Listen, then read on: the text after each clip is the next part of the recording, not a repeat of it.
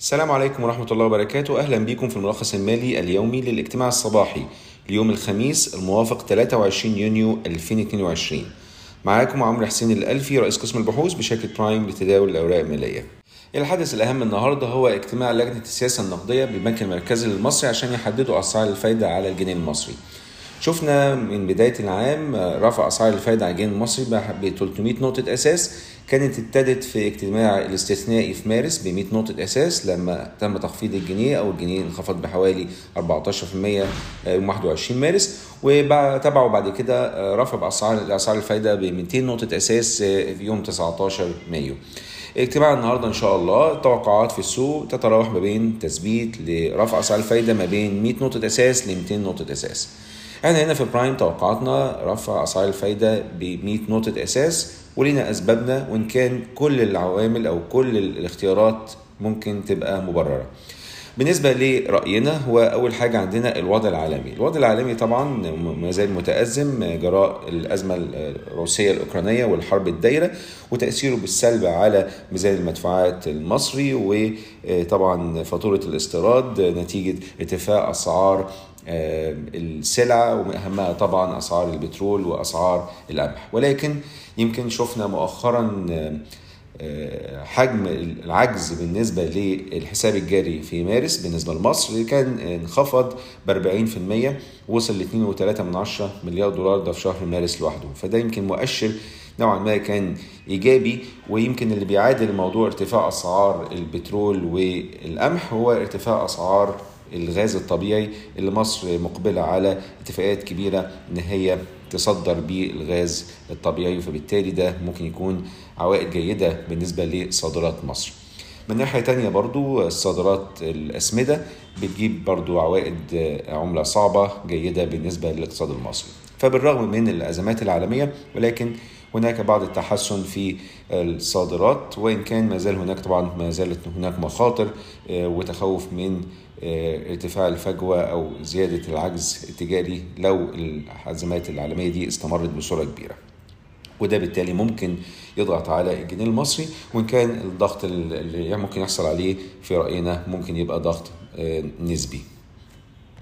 وخصوصا إن برضو عندنا تحويلات المصريين في الخارج ممكن تستفيد من ارتفاع اسعار البترول وطبعا الانتعاش الموجود في اقتصادات دول مجلس التعاون الخليجي.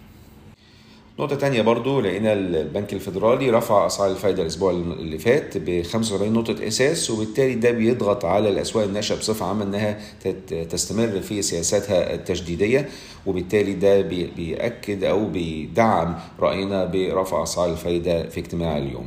ولكن ده بما اننا متوقعين فقط رفع اسعار الفايدة ب 100 نقطة أساس ممكن نلاقي إن ممكن الجنيه المصري يضعف نسبيا. إن كان ببطء نوعا ما قصاد الدولار الأمريكي وإحنا اوريدي شفناه في الفترة اللي فاتت في ضعف بسيط وإن كان ده متماشي مع فكرة وجود مرونة في سعر الصرف وده أحد العوامل اللي كان بيبص عليها صندوق النقد الدولي. المهم إن البنك المركزي دلوقتي بيوازن ما بين أمرين. الأمر الأول وهو عدم تأثير بالسلب على معدلات النمو الاقتصادي برفع أسعار الفايدة برفع كبير وعشان كده إحنا متوقعين فقط رفع 100 نقطة أساس في اجتماع اليوم. ومن الناحية التانية البنك المركزي برضه هيحاول يحافظ على معدلات التضخم إن هي ما تخرجش عن السيطرة. وإن كان قراية شهر مايو جت ب 13.5% وده كان متقارب للتوقعات بتاعتنا. وإن كان أقل كمان من توقعات السوق. فاحنا شايفين 100 نقطة أساس هتبقى الأمر الوسط اللي ممكن بيه البنك المركزي ما يأثرش بالسلب على معدلات النمو وفي نفس الوقت يدي مؤشر إن هو مستمر في سياسته التجديدية ويحافظ على القيمة النسبية للجنيه المصري قصاد الدولار. لو بصينا على الشارت النهارده في التقرير اليومي بتاعنا هنلاقي إن أسعار البترول بترتفع بصورة كبيرة منذ العام الماضي. نتكلم على البترول تقريبا مرتفع بحوالي فوق ال 60% ومن ناحية أخرى أسعار الغاز الطبيعي مرتفعة بنسب كبيرة جدا تفوق ال 300% ده من منذ عام مضى. فبالتالي زي ما قلنا عالميا ممكن نستفيد من الغاز الطبيعي بالرغم من الضرر الواقع علينا من القمح وسعر النفط. بالنسبة لأخبار الشركات الأخبار الشركات يمكن بسيطة النهارده. عندنا شركة أعمار العقارية أعمار مصر.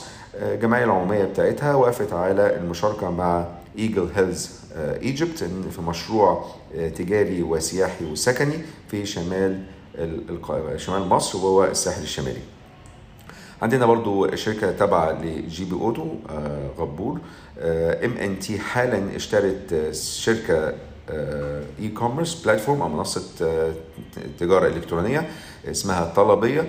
والشركة دي بتتعامل مع التجار الصغار واماكن التجزئة أو تجار التجزئة وقريبا هيبقى في تعامل مع المستهلكين بصورة مباشرة. وتعامل الشركة هو في السلع الاستهلاكية سريعة الحركة. دي أهم الأخبار النهارده. شكرا لكم والسلام عليكم ورحمة الله وبركاته.